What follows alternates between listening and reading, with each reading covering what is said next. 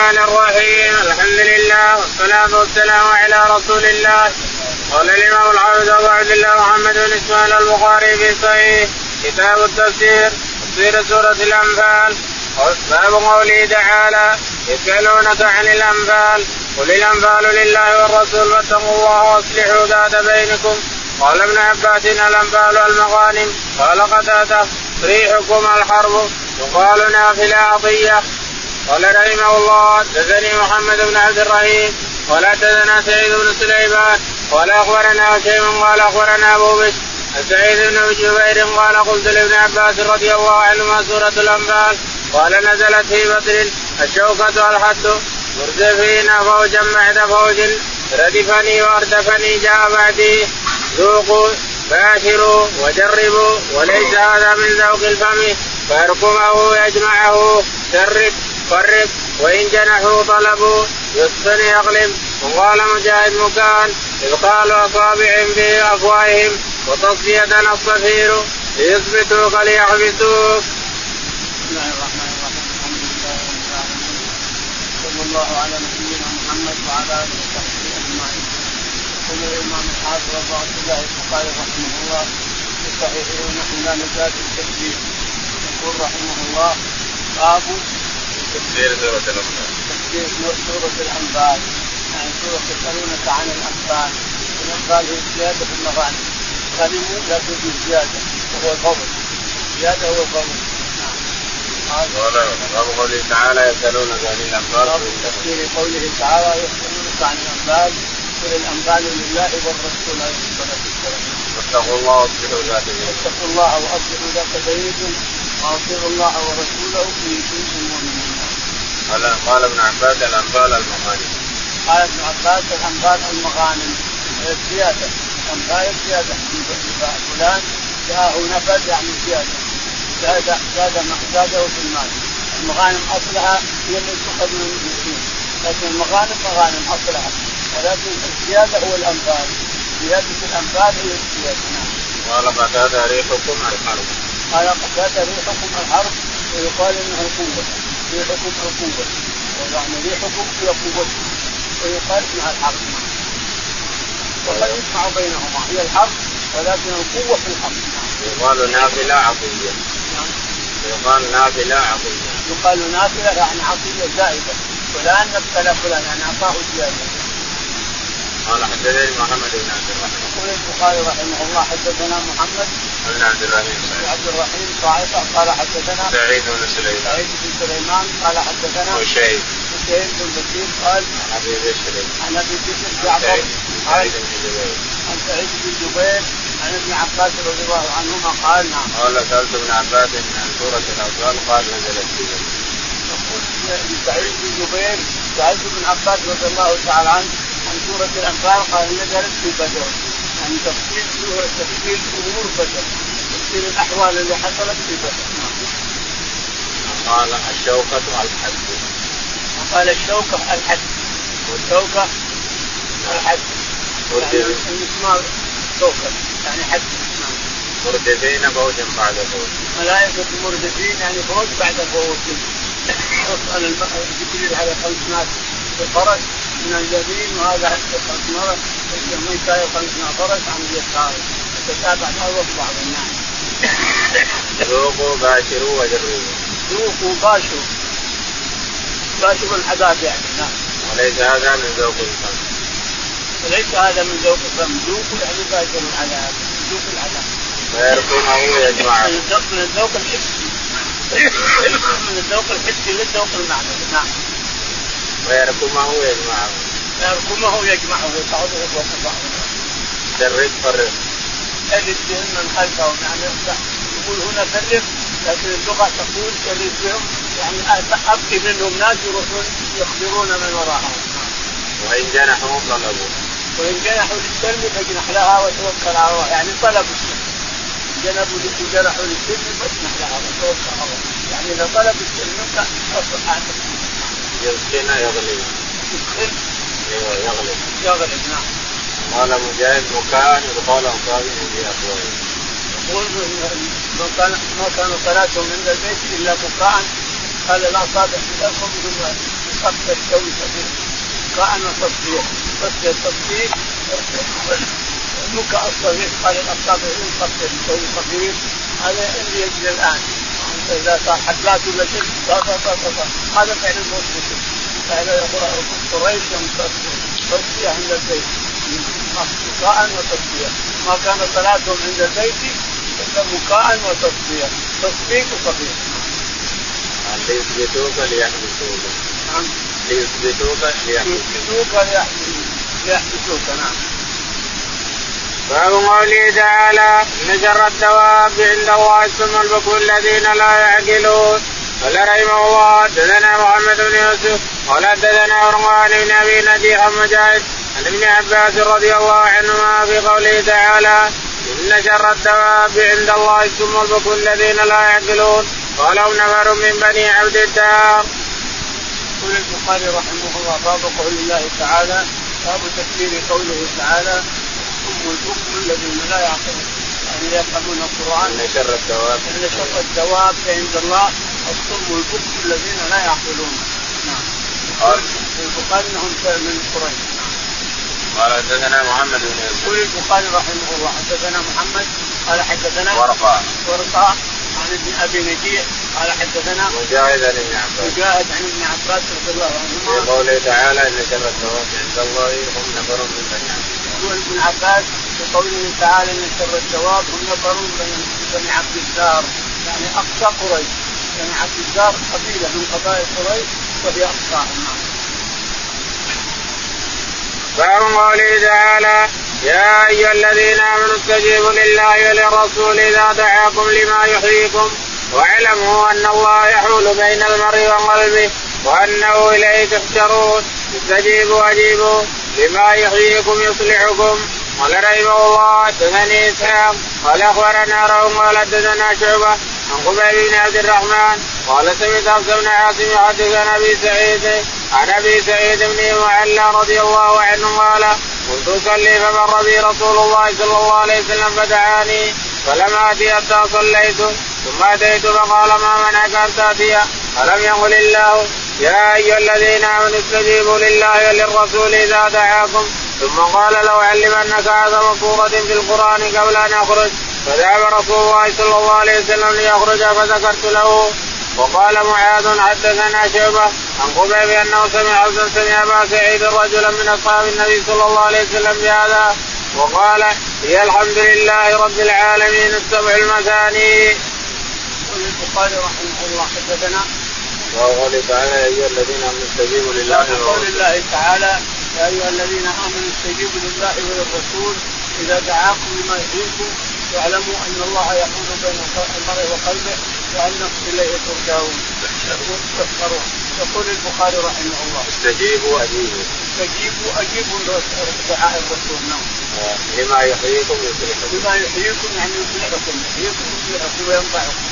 قال حدثنا اسحاق يقول البخاري حدثنا إسحاق قال حدثنا روح بن عبادة قال حدثنا شعبة قال حدثنا عبيد بن عبد الرحمن. عبيد بن عبد الرحمن قال بن عاصم. عن حفص بن عاصم. قال عن أبي سعيد بن عن المعلى أبي سعيد بن المعلى أنه كان يصلي في المسجد فدعاه الرسول عليه الصلاة والسلام فلم يجبه حتى كمل صلاته. ثم ذهب إلى الرسول عليه الصلاة والسلام فقال ما منعك أن تجيبني؟ ألم يقل الله إذا دعاكم إذا دعاكم يحييكم بعد استجيبوا لله وللرسول إذا دعاكم. قال يا رسول الله كنت اصلي قال لو علمنك سورة هي أعظم سورة في القرآن. ثم مشى عليه الصلاة والسلام إلى الباب. لما قرب من الباب وأراد أن يخرج قال له أبو سعيد بن المعلى يا رسول الله انت قلت كذا وكذا. قال هي السبع هي الفاتحة. هي سورة هي أم القرآن وهي الفاتحة هي السبع المثاني يعني هي اعظم القرآن سورة القرآن. باب قوله تعالى وقال اللهم إن كان هذا هو الحق من عندك فامطر علينا حجارة من السماء فامطر علينا حجارة من السماء أو ائتنا بعذاب أليم. قال ابن عيينة ما سمى الله تعالى مطرا في القرآن إلا عذابا. وتسميه العرب الغيث وهو قوله تعالى ينزل الغيث من بعد وينزل الغيث من بعد ما قنطوا وينزل الغيث من بعد ما قنتوا. قال رحمه الله حدثني أحمد قال حدثنا عبيد الله بن رجاء قال حدثنا عبيد الله بن معاذ قال حدثنا أبي قال حدثنا شعبان عبد الحميد وابن قرشيد صاحب الزياد أنه سمع أنس بن مالك رضي الله عنه قال قال ابو جهل اللهم ان كان هذا هو الحق من عندك. فأمطر علينا حجارة من من السماء أو ائتنا بعذاب أليم. فنزلت وما كان الله ليعذبهم وأنت فيهم وما كان الله معذبهم وهم يستغفرون. وما لهم أن لا يعذبهم الله وهم يصدون عن المسجد الحرام الآية. يقول البخاري رحمه الله قول الله تعالى قال اللهم إن كان هذا هو الحق. قال اللهم إن كان هذا هو الحق من عندك فامطر علينا حجارة من السماء أو ائتنا بعذاب أليم. هذا يقول أبو جهل. كما جاء به الرسول جاء به محمد هذا يدعون إليه؟ إن كان هو الحق أمطر علينا حجارة من السماء أو ائتنا بعذاب أليم. يقول البخاري المطر العذاب. قال ابن عيينة ما سمى الله تعالى مطرا في القران ابن عيينة ما أنزل الله ما ذكر الله في القرآن. مطرا إلا عذاب. نعوذ بالله مطر عذاب. وتسميه العرب ولا غير؟ تسميه العرب الغيث وهو غيث تسميه العرب المطر تسميه الغيث إذا كان غيثا ورحمة. أما إذا كان عذاب فهو مطر. قال حدثني أحمد. يقول البخاري حدثنا أحمد. قال حدثنا عبيد الله بن معاذ. عبيد الله بن معاذ. عن أبيه. معاذ. عن شعبة. عن شعبة. قال عن عبد الحميد بن قريش. عن عن عبد الحميد بن قريش عبد الحميد بن قريش قال صاحب الزياد.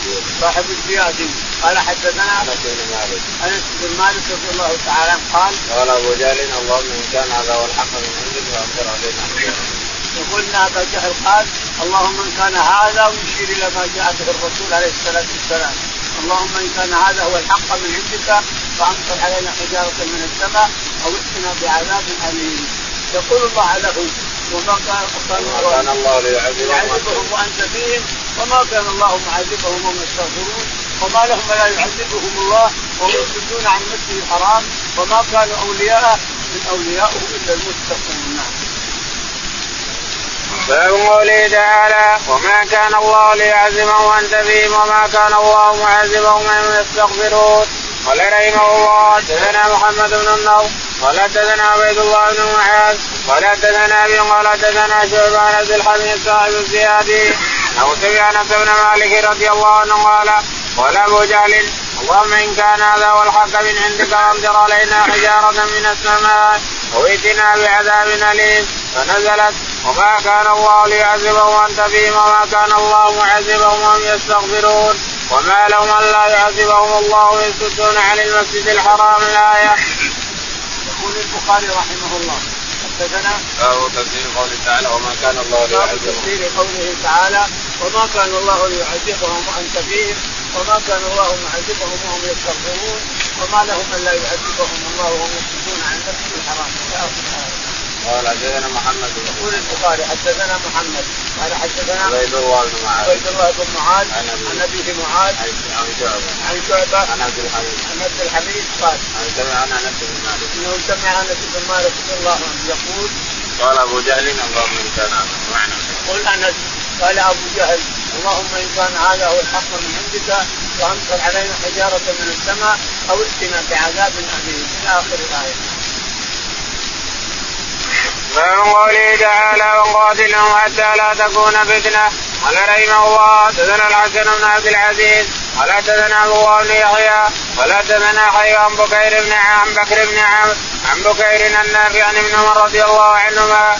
إن رجلا جاء فقال يا أبا عبد الرحمن ألا تسمع اذا ذكر الله في كتابه؟ وإن طائفتان من المؤمنين اقتتلوا إلى آخر الآية فما يمنعك الا تقاتل كما ذكر الله في كتابه.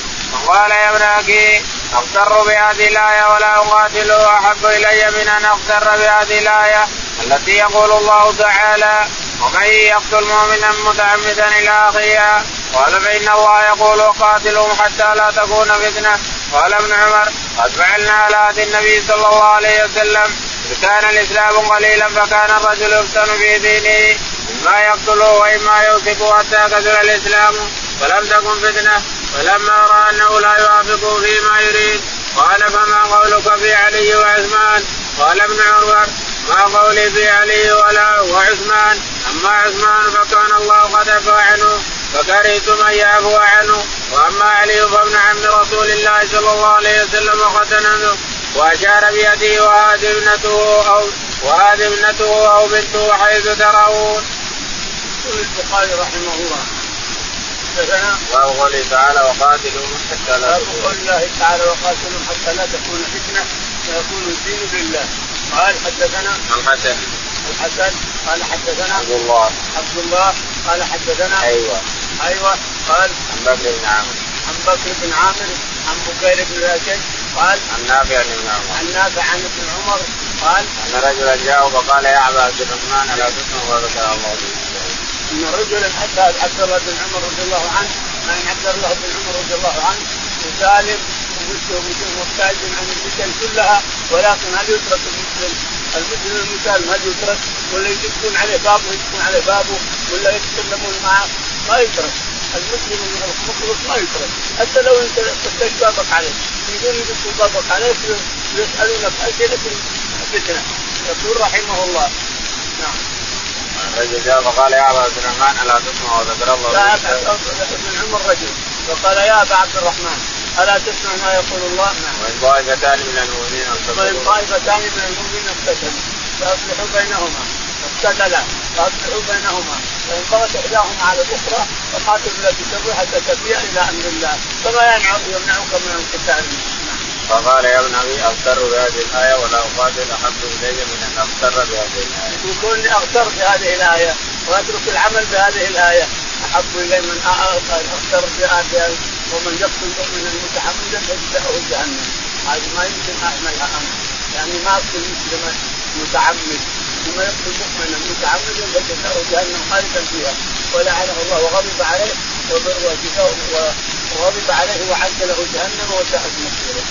قال الرجل فإن الله يقول وقاتلهم حتى لا تكون قال الرجل لعبد الله بن عمر فإن الله يقول وقاتلهم حتى لا يقاتلون حتى لا تكون فتنة. قال يا ابن أخي قد قاتلنا حتى لم تكن فتنة على عهد الرسول عليه الصلاة والسلام حيث إن الإسلام ضعيف.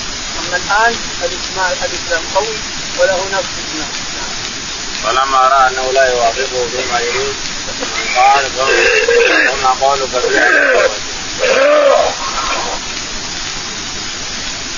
فلما راى أنه لا يوافقه في قوله. قال له. وما قولك في علي؟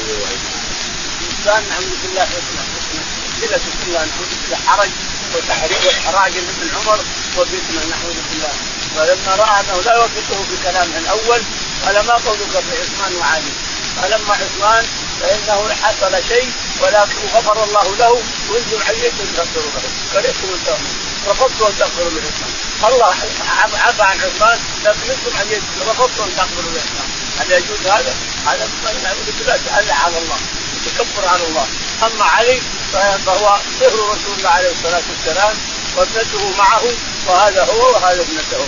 وهذا داره وهذا بنت الرسول عليه الصلاة والسلام. قال رحمه الله حدثنا أحمد بن يونس ولا حدثنا زير ولا حدثنا بيان أنه حدثهم قال حدثني سعيد بن جبير قال خرج علينا وإلينا ابن عمر فقال رجل كيف ترى في قتال الفتنة فقال وهل تدري ما الفتنة؟ كان محمد صلى الله عليه وسلم يقاتل المشركين وكان الدخول عليهم فتنة وليس قتالكم على الملك. يقول البخاري رحمه الله حدثنا أحمد بن يونس أحمد بن يونس قال حدثنا زهير زهير قال حدثنا بيان بيان قال وبره عن مبرة قال حدثنا سعيد بن جبير سعيد بن جبير عن قال خرج علينا وإلينا ابن عمر فقال رجل كيف ترى يقول خرج علينا ابن عمر رضي الله تعالى عنه فقال له رجل كيف ترى الفتنة يا عبد الرحمن؟ قال وهل تدري من الفتنه كان محمد صلى الله عليه وسلم يقاتل المشركين وكان الظهور عليه. فقال له هل تدري ما الفتنة؟ تعرف الفتنة اللي تسأل عنها الفتنة ما هي؟ الفتنة كان الرسول عليه الصلاة والسلام يقاتل المشركين كذلك فتنه وأنتم الآن تقاتلون على الرسول عليه الصلاة والسلام يقال تقاتل على دين الله وشرعه وأنتم الآن تقاتلون على الموت أي من الفتنه؟ الفتنة حدثتكم اليوم اللي تقاتلون على الموت تقاتلون على الشريعة. باب قوله تعالى يا أيها النبي حرض المؤمنين على القتال ان يكن منكم عشرون صابرون يغلبوا مئتين وان يكن منكم مئة يغلبوا الفا من الذين كفروا بأنهم قوم لا يفقهون.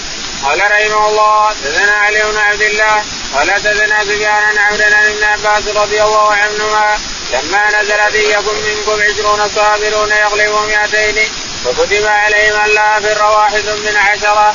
وقال سفيان غير مرة الا يفر عشرون من مئتين ثم نزلت الآن ثم نزلت. الآن خفف الله عنكم الآية وكتب الا يفر مئة من مئتين. زاد سفيان مرة نزلت حرب المؤمنين على القتال يكن منكم عشرون صابرون. قال سفيان وقال ابن شبرمة وأورى الأمر بالمعروف والنهي عن المنكر مثل هذا. يقول البخاري رحمه الله باب قول الله تعالى يا أيها النبي حرض يا أيها النبي حرض المؤمنين على القتال ليكن منكم عشرون صابرون عشرون صابرون يغلبوا 200 وإن يكن منكم ألف 100 يغلبون. 100 يغلبوا 2000 بإذن الله والله مع الصابرين. فقال آه ثم بعد ذلك نسخ هذا تعالى وتقدم وخفف فقال إن يكن منكم ألف. يغلب ألف يغلب ألفين. وإن يكن منكم. مئة يغلبوا مئتين إلى آخر الآيات يعني يكون منكم 100 يغلبوا 200 كل رجل برجلين وإن يكن ألف يغلبوا ألفين كل رجل برجلين هذا التقديم من رب العالمين تعالى وتقدم بعدما غلظ عليهم إلى آخره ثم قال حدثنا علي بن عبد الله. حدثنا علي بن عبد الله قال حدثنا سفيان. سفيان قال حدثنا عمرو. عمرو قال ابن عباس. عن ابن عباس رضي الله عنهما قال لما نزلت يكن منكم عشرون صابرون يغلبون 200 لما نزلت اليكم منكم يكون صابرون يغلبوا 200 وكتب عليهم الا يفر واحد وكتب عليهم أن لا يفر واحد من اثنين. من عشرة. من عشرة. لا يفر واحد من عشرة. نعم فكان سفيان غير مرة يقول ألا يفر عشرون من 200 وكان سفيان يقول أن لا يفر عشرون من 200 نعم ثم نزلت الآن خفض الله عنكم وعلم ثم نزل التخفيف الآن خفف الله عنكم وعلم أن فيكم ضعفا فيكن منكم مئة صابرة يغلبون. منكم 100 صابرة يغلبوا 200 وإن يكن منكم ألف يغلبوا 2000 بإذن الله. والله مع الصابرين. يعني يتخفف ولا وخفف رب العالمين على عباده. قال سفيان وقال ابن سلمة وأورى الأمر بالمعروف والنهي عن المنكر. سفيان قال ابن سفيان هو الأمر المعروف والنهي عن المنكر كذلك. يعني لا تتلكى عن الأمر المعروف والنهي عن المنكر علشان عذاب يجيك أو أو شيء يجيك. لا ترجع عن الأمر المعروف والنهي عن المنكر. إذا رأيت منكر لا تتأخر عن تنكر المنكر وتؤدي المعروف. لا تتأخر ولا تخاف. قال رحمه الله حدثنا يحيى بن عبد الله السلمي قال أخبرنا عبد الله بن مبارك قال أخبرنا جرير بن حازم قال أخبرني الزبير بن خريج عن إكرم عن ابن عباس رضي الله عنهما قال لما نزلت إن يكن منكم عشرون صابرون يغلبون مئتين كذلك على المسلمين حين فرض عليهم. ألا يفر واحد من عشرة؟ فجاء تخفيفا قال الآن خفف الله عنكم وعلم أن فيكم ضعفا؟ فإن يكن منكم مئة صابرة يغلب مئتين. قال فلما خفف الله عنهم من العدة نقص من الصبر بقدر ما خفف عنهم. يقول البخاري رحمه الله حدثنا يحيى. يحيى قال حدثنا عبد الله بن مبارك عبد الله بن مبارك. قال حدثنا جرير بن حازم. جرير جرير. بن حازم قال عن الزبير عن الزبير بن كريم الزبير بن كريم قال حدثنا عكرمة بن عباس. عكرمة عن ابن عباس قال إن الله تعالى تقدس لما فرض لما أنزل عليهم من العشرة لأن المئة تغلب 200 أو العشره يغلب 20 إلى آخره نزل عليهم. فلما رأى فلما خفف عنهم تعالى وتقدس نقص من الصبر بقدر ما خفف عنه. يعني إن الله لما فرض عليهم شده فرض عليهم الصبر كثير. أعطاهم الصبر كثير. لأن الله تعالى تقدس رؤوف رحيم وهو الحكم المقصر فلما رأى أن الشدة أعطاهم من الصبر يقاتل الشدة ليصبروا صبر كثير شدة كثير وعذاب كثير لكن صبر كثير فاتاهم الله صبر كثير. لما نقص نقصت العدد نقص الصبر. وكثره الصبر أفضل من نقص إلى اخره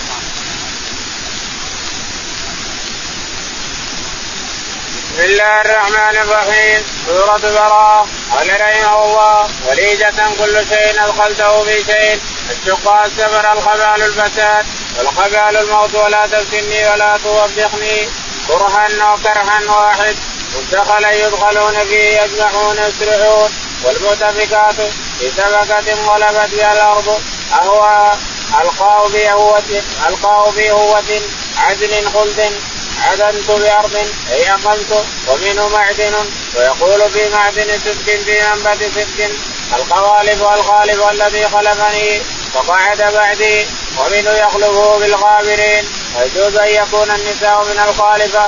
وإن كان جمع الله الذكور فإنه لم يوجد على تقدير جميع الا الثاني فارس وفوارس وهالك وهوالك الخيرات واحدها خيرة وهي الفواضل مرجعون مؤخرون السبا شفير وهو حده والجوف ما تجرف من السيول والأودية هار هائر لواه شفقا وبرقا وقال إذا قمت إذا قمت أرحلها بليل تأوها آهة الرحيل الحزين. يقول البخاري رحمه الله باب تفسير سورة براءة. براءة من الله ورسوله. هذه نزلت في السيف. ومن آخر السور اللي نزل نزلت في السيف. فنول الرسول عليه الصلاة والسلام. يوافق المشركين مثلا. يجاهلهم ويأتيهم مواعيد ومواجيد ويأخذ منهم كذا ويأخذ منهم كذا. لما نزلت براءة ونزل قوله تعالى كل المشركين حيث وجدتموهم وخذوهم واقتلوهم وخذوا لهم كل مرصد فإن تابوا وأقاموا الصلاة وآتوا الزكاة فخلوا سبيلهم. نسخت هذه الآية جميع المجاهدات والمعاهدات والمداهنه نسخت 70 آية. كما يقول المفسرون أن هذه الآية نسخت 70 آية لأن تسمى آية السيف. يلا اقتلوا المشركين حيث وجدتموهم. أي مكان تجدون اقتلوا ولا تبالي ولا تبالي. المشركين حيث وجدتموهم. وخذوهم واحصروهم واقصدوا لهم كل مرصد. فإن تابوا وأقاموا الصلاة وآتوا الزكاة فخلوا سبيلهم هذه الآية نسخت 70 آية في القرآن من المجاملات ومن المداهنه ومن كيف من شيء وليدة كل شيء ألقته وليدة كل شيء أولدته بعد شيء. شيء بعد شيء يسمى وليدة يعني دسيته الوليدة دسيت هذا مع هذا نعم. الشقة الصغر الشقة بعدت عليهم الشقة يعني الصغر القبال الفساد القبال الفساد القبال الفساد نعم. والقبال الموت. والقبال الموت. يقال الناس في قبال يعني في موت ولا تفتني توبخني ولا تفتني توبخني توبخني توبخني توبخني توبخني لا تفتني يعني لا توبخني كرها وكرها واحد. كرها وكرها. مدخلا يدخلون فيه. نعم. مدخلا يدخلون مدخلا يدخلون فيه. نعم. يجمعون. أو مدخلا يدخلون فيه يدخلون نعم يجمعون يسرعون يلوثوا إليه وهم يجمعون يعني يسرعون في الجنة. والمؤتفكات انتفقت انقلبت بها الأرض المؤتفكات انقلبت بها الأرض المؤتفكة واحدها مؤتفكات اهوى ألقاه في قوته اهوى ألقاه في يعني في عدن خلد عدن خلد قالوا عدنت بارض اي اقمت وقالوا عدنت في الأرض يعني أقمت فيها. القوالب القارب الذي خلقه القوالب هم الذي خلف عن الجهاد مع الرسول وقعد بعده. وقعد بعده وتخلف بعده. يسمونه قوالب رجال قوالب. والنساء قد كان قوالب. يجوز أن يكون النساء من الخالفه يجوز النساء من الخالفه يعني قوالب وإن كان جمع الذكور وإن كان جمع الذكور. وإن كان هو لجمع الذكور لا لجمع الناس قوالب قد تكون للنساء وقد تكون لكن الجمع للذكور. فإنه لم يوجد على تقدير جمعه الا حرفان فارس وخوارج. فإنه لم يوجد على هذا التفسير إلا حرفان فوارس وخوارج. فارس وفوارس وهالك وهوالك فارس وفوارس وهالك وهوالك على هذا الحق. الخيرات واحدها خيرا. الخيرات واحدها خيرا. وهي الفواضل. وهي الفواضل لأن مرجعون مؤخرون. مرجعون مؤخرون إلى أجل. الشفاء الشفاء كثير وحسن وهو شفا حفرة أو شفا جرب نهار الشفا الحفرة والهو على شفا جرب نهار شفا جرب جرب الهوية الكبيرة والجرف ما تجرف من السيول والاودية. الجرف ما يجرف السيل الأرض، اذا جرف السيل الأرض ومحل من هنا جرف هنا جرف. يقال تهورت البئر إذا انهدمت وانهارت. يقول تهورت البئر إذا انهدمت وانهارت. الأواه شفقا وفرقا. الأواه الشفيق الرحيم. وقال إذا قمت أرحل إذا قمت أرحلها بليل تأوه آهة الرجل الحزين. يقول الشاعر إذا كنت أرحلها بليل تأوها تأوها آهة الرجل الحزين لا يؤتون الزكاة لا يشهدون أن لا إله إلا الله يباهون يشبهون قال رحمه الله حدثنا أبو الوليد قال حدثنا شعبان بيسا قال سمعت البراء رضي الله عنه يقول آخر آية نزلت يستفتونك قل الله يفتيكم بالكلالة. وآخر سورة نزلت براءه. يقول البخاري رحمه الله ابو تفسير قوله تعالى براءة من الله ورسوله. براءة يعني تبرئ الله تبرأ من المشركين والرسول تبرأ من المشركين. براءة يعني تبرئ تبرأ الله تعالى من المشركين وتبرأ الرسول من المشركين. إلى الله ورسوله ومن الناس يوم الحج الأكبر أن الله بريء من المشركين ورسوله. يوم الحج الأكبر يقال هو يوم عرفة ويقال هو يوم النحر. بعد بعد العيد يوم العيد لا الثاني العيد في الأرض والخروج يستفتح فيه الخروج أن الله بريء من المشركين ورسوله. وقال ابن عباس وقال ابن عباس في قولهم هو أذن يعني يسمع الرسول عليه الصلاة والسلام في كل أحد يقول كذا كذا يسمع يقول نفس ما قال. يجي الثاني هذا يعني إنه أذن يسمع للناس. قال الله تعالى وتقدم وهو هو أذن خير. وجود خير عليه الصلاة والسلام. نعم نعم الله اذن خير. تطهرهم تزكيهم بها ونحوها كثير. صدقة تزكيهم وتطهرهم بها وصل عليهم إن صلاتك سكن لهم. امن امن وطمأنينة والزكاة والطاعة. والزكاة والطاعة. والإخلاص. الطاعة والإخلاص. الزكاة والإنسان والطاعة والإخلاص.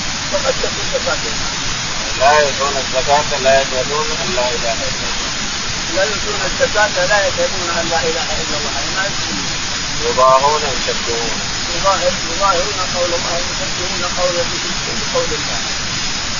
قال حدثنا أبو الوليد.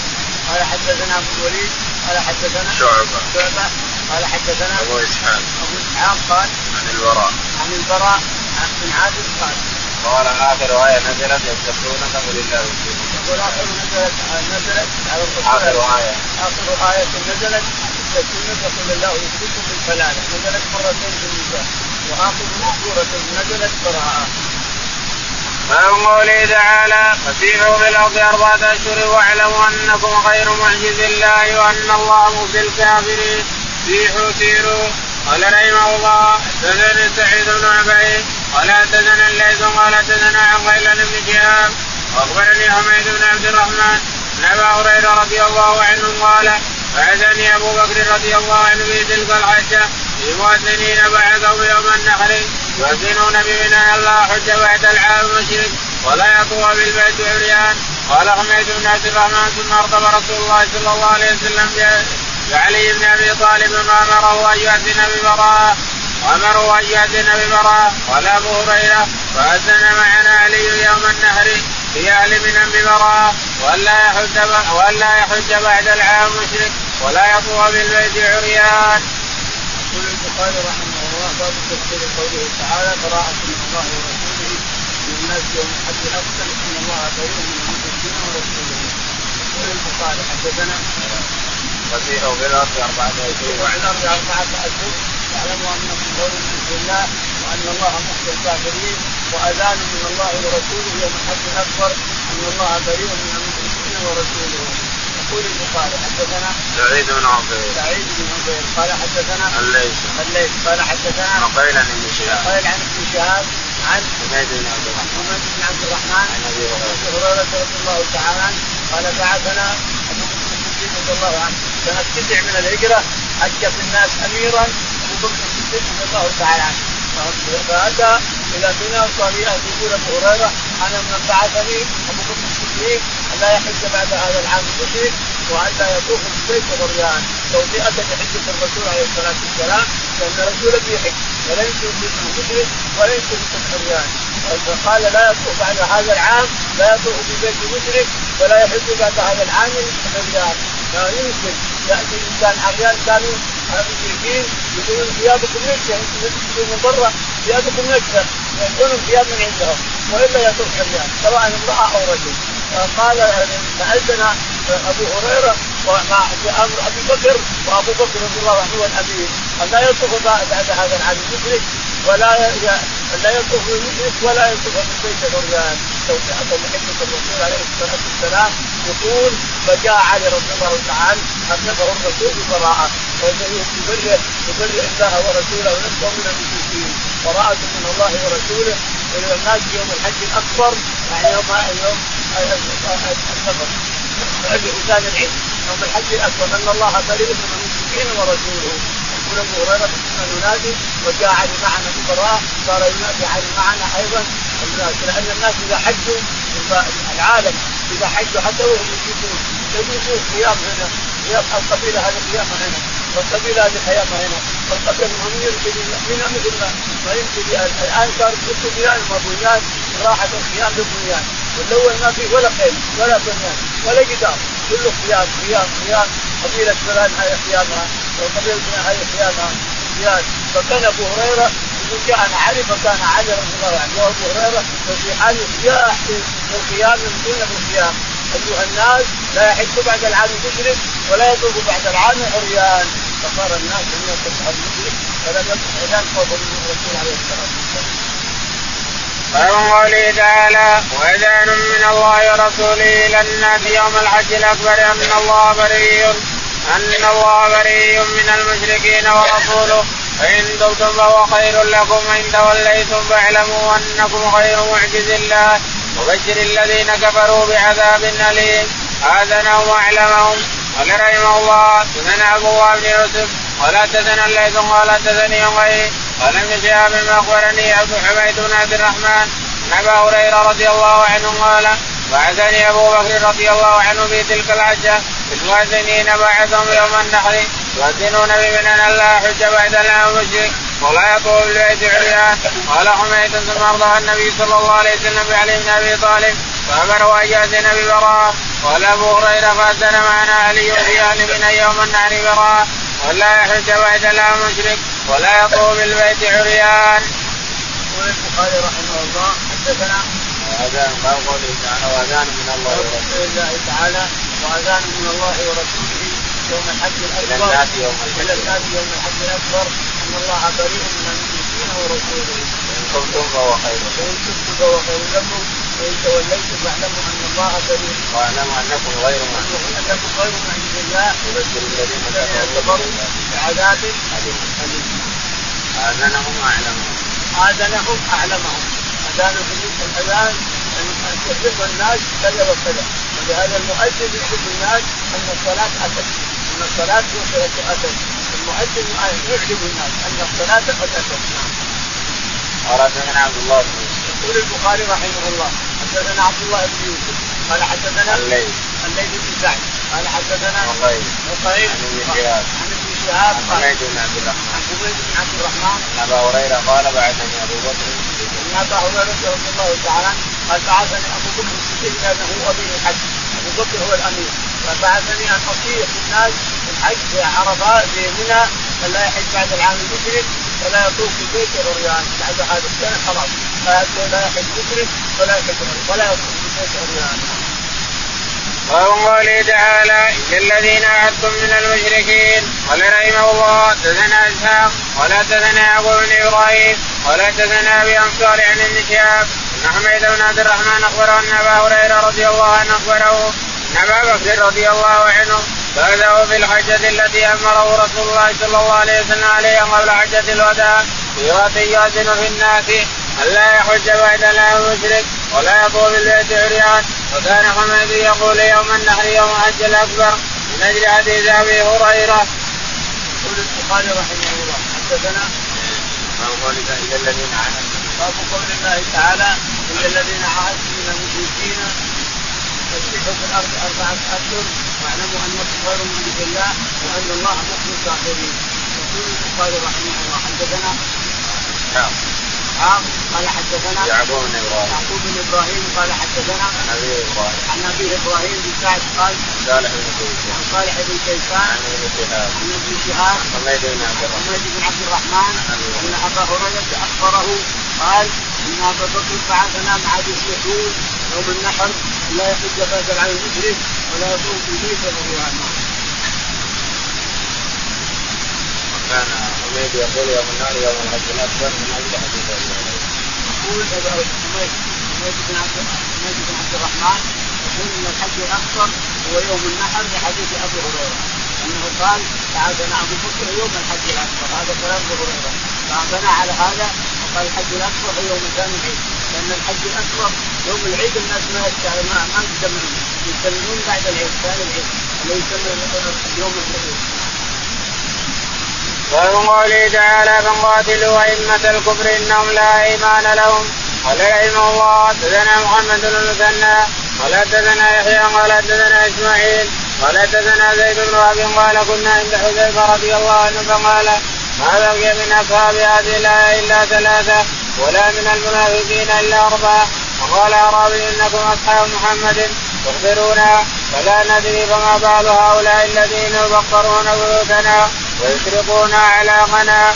قال أولئك الفساق أجل لم يبق منهم إلا أربعة. أحدهم شيخ كبير لو شرب الماء البارد لما وجد برده.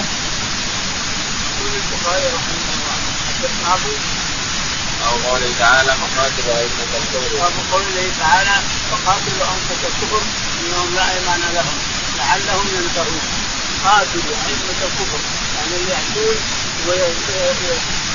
ويزيدون عن الكتاب والسنة فقاتلوا ائمه الكفر إنهم لا إيمان لهم لعلهم ينتهون قال يقول قال حدثنا محمد بن حدثنا محمد بن مسلم قال حدثنا يحيى. يحيى.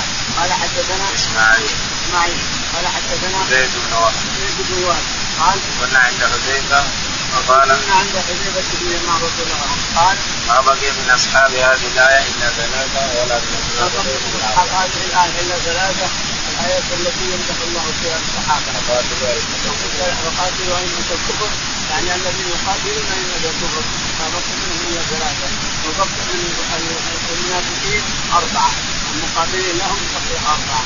فقال أعرابي إنكم أصحاب محمد تخبرونا فلا ندري يقول أعرابي لحذيفه إنكم أصحاب محمد تخبرونا فلا ندري ما نسمع هذا وما هذا ما ندري نسمع هذا وما هذا أنتم تقبلون هذا وهذا فما بال هؤلاء الذين يبصرون بيوتنا؟ فما بال هؤلاء الذين يدخلون بيوتنا؟ ويتركون أعناقهم. ويسلكون اعناقنا قال أولئك الفساق لم أربعة واولئك الفساق حتى لم يبقى من الفساق الا اربعه ومن الصالحين الا ثلاثة أحدهم شيخ كبير لو شرب الماء البارد لما وجد احدهم شيخ كبير لو شرب الماء البارد. لما وجد برد ما وجد برده. ما يوجد برد شيخ كبير وشرب الماء البارد ما وجد برده. باب قوله تعالى والذين يكنزون الذهب والفضة ولا ينفقونها في سبيل الله فبشرهم بعذاب أليم. قال رحمه الله حدثنا الحكم بن نافع قال أخبرنا شعيب قال حدثنا أبو الزناد. عبد الرحمن الأعرج حدثه أنه قال حدثني أبي هريرة رضي الله عنه أنه سمع رسول الله صلى الله عليه وسلم يقول يكون كنز أحدكم يوم القيامة ساعة أخرى يقول البخاري رحمه الله باب تفسير قوله تعالى الذين يكنزون الذهب والفضة ولا ينفقونها ما في سبيل الله يبشرهم بعذاب أليم يوم يسمع عليها في نار جهنم ويصفى بها جباههم وجنوبهم وظهورهم هذا ما كنزتم له. ذوقوا ما كنزتم لأنفسكم. هذا ما كنزتم وهذا ما كنزتم لأنفسكم. فذوقوا ما كنتم تكنزون يقول إن الكنز هذا به ويحرقون على جنوبهم كما ورد في الحديث الآخر أن الإنسان يقطع ويكوى تذهب جبهته وجبهه وظهره وغيره. يقول هذا ما كنت لنفسه فذوق ما كنت لنفسه من المؤسف من المؤسف حقا الذي يوجد اليوم من طلبة العلم من يقول إن المرأة إذا صار لها حلي أنها لازم تنفقه وإلا فيتدخل في هذه الآية. ما أدري ما هو الآية الثانية؟ ما هو الدليل على أنها في هذه امراه عندها حلي إذا ما تستخرج ومن زكاته فإنها تقوى مثل ما قال الله تعالى. الصحابة رضي الله عنهم عشر من الصحابيات كلها غنية منها امراه بن مسعود ومنها امراه معاذ أغنياء وعندهم ذهب وعندهم حلي قال تقوى.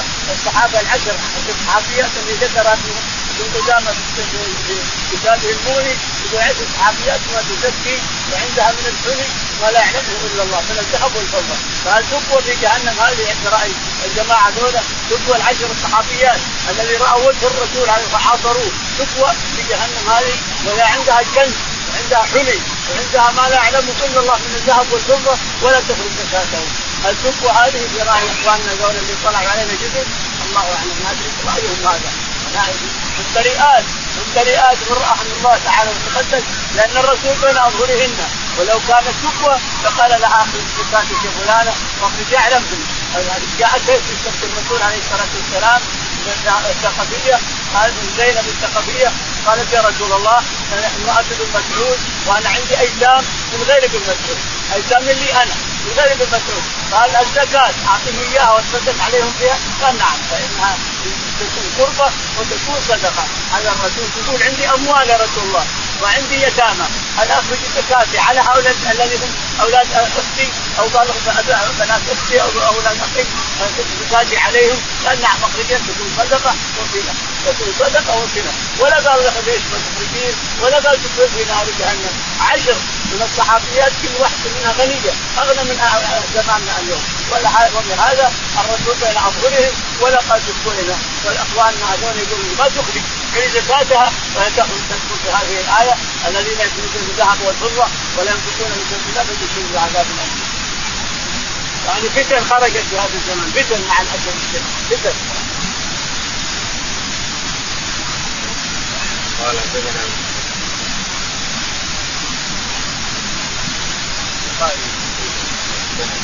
قال حدثنا الحكم. قال حدثنا الحكم. قال حدثنا سعيد قال حدثنا سناد عن الاعرج سناد عن الأعرج ابي هريره رضي الله تعالى عنه. أن النبي عليه الصلاة والسلام قال يكون غزو أحدكم يوم القيامة شجاعا قال يكون غزو أحدكم يوم القيامة شجاع أقرع يعني حنف أقرع يأخذ له جنتيه ويقوى ومع هذا فإنه يقوى في الذهب والفضة في نار جهنم. لا شك أنه يقوى أن يكذبهما ولا يخرج زكاتهما أنه يقوى في نار جهنم حكي وصدقته مع أنه يكون حنج يحط بشقيه حتى تكون الساعة قال رحمه الله حدثنا قتيبة بن سعيد قال حدثنا جرير بن حسين عن زيد بن أبي قال مررت على أبي ذر بن ربدة رضي الله عنه فقلت ما أنزلك في هذا الأرض؟ قال كنا في الشام فقرأت والذين يكنزون الذهب والفضة ولا ينفقونها في سبيل الله فبشرهم بعذاب أليم. قال معاوية ما هذه فينا؟ ما هذه إلا في أهل الكتاب؟ قال قلت إنها لفينا وفيهن. البخاري رحمه الله حدثنا قتيبة قتيبة قال حدثنا جرير. جرير. قال حدثنا قتيبة قتيبة عن زيد بن عبد الرحمن قال عن زيد بن وهب. عن زيد بن وهب قال حدثنا قال مررت بأبي ذر بالربذة فقلت ما أنزلك بها يقول مررت بأبي ذر بالربذة. الربذة الحنفية إذا خرجنا السويد الإنسان من المدينة ففي الشمال كله إذا خرجت من خرجنا 300 وجه ابي عين فالتقط الحكومة نار ضرب شيء رايح وشيء جاي. إذا خرجت من السوق هذه 300 متر تخرج الإنسان ويجيك تروح للمسلمين تروح للرياض وتسلمها ويصير تروح للشمال تروح للشمال تروح لحاي والجوف والشمال وغيرها. الشاهد ان الرفض هناك بعد ما تخرج من السوق حيث إذا خرجت حديده قرية كبيرة خرجنا الحين صارت تمروا السنة حنفيه تعرفونها الناس اللي يمرون عليها اللي يجون رجال من الشمال يمرون على على الحنفيه هذه يقول إنه مر بابي ذر الغفاري رضي الله عنه. أبو ذر نفاه عثمان من الشام ثم نفاه من المدينة إلى إلى الربذه هذه. عثمان نفاه معاوية إنه ينكر على الناس يقول لما لما تصدقون تخرجون زكاه أموالكم وتكون كنز عليكم وتعذبون بها فمعاوية أمير الشام في دمشق نفاه عثمان طلبه عثمان إلى هنا. لما جاء إلى المدينة صار يمشي مشهور في الشام. يا جماعة اخرجت كنز الفتوى وتفعل. قال جاءه للمدينه ونفاه إلى الربذه وقد صدق قول الرسول عليه الصلاة والسلام علامه من علامات النبوة.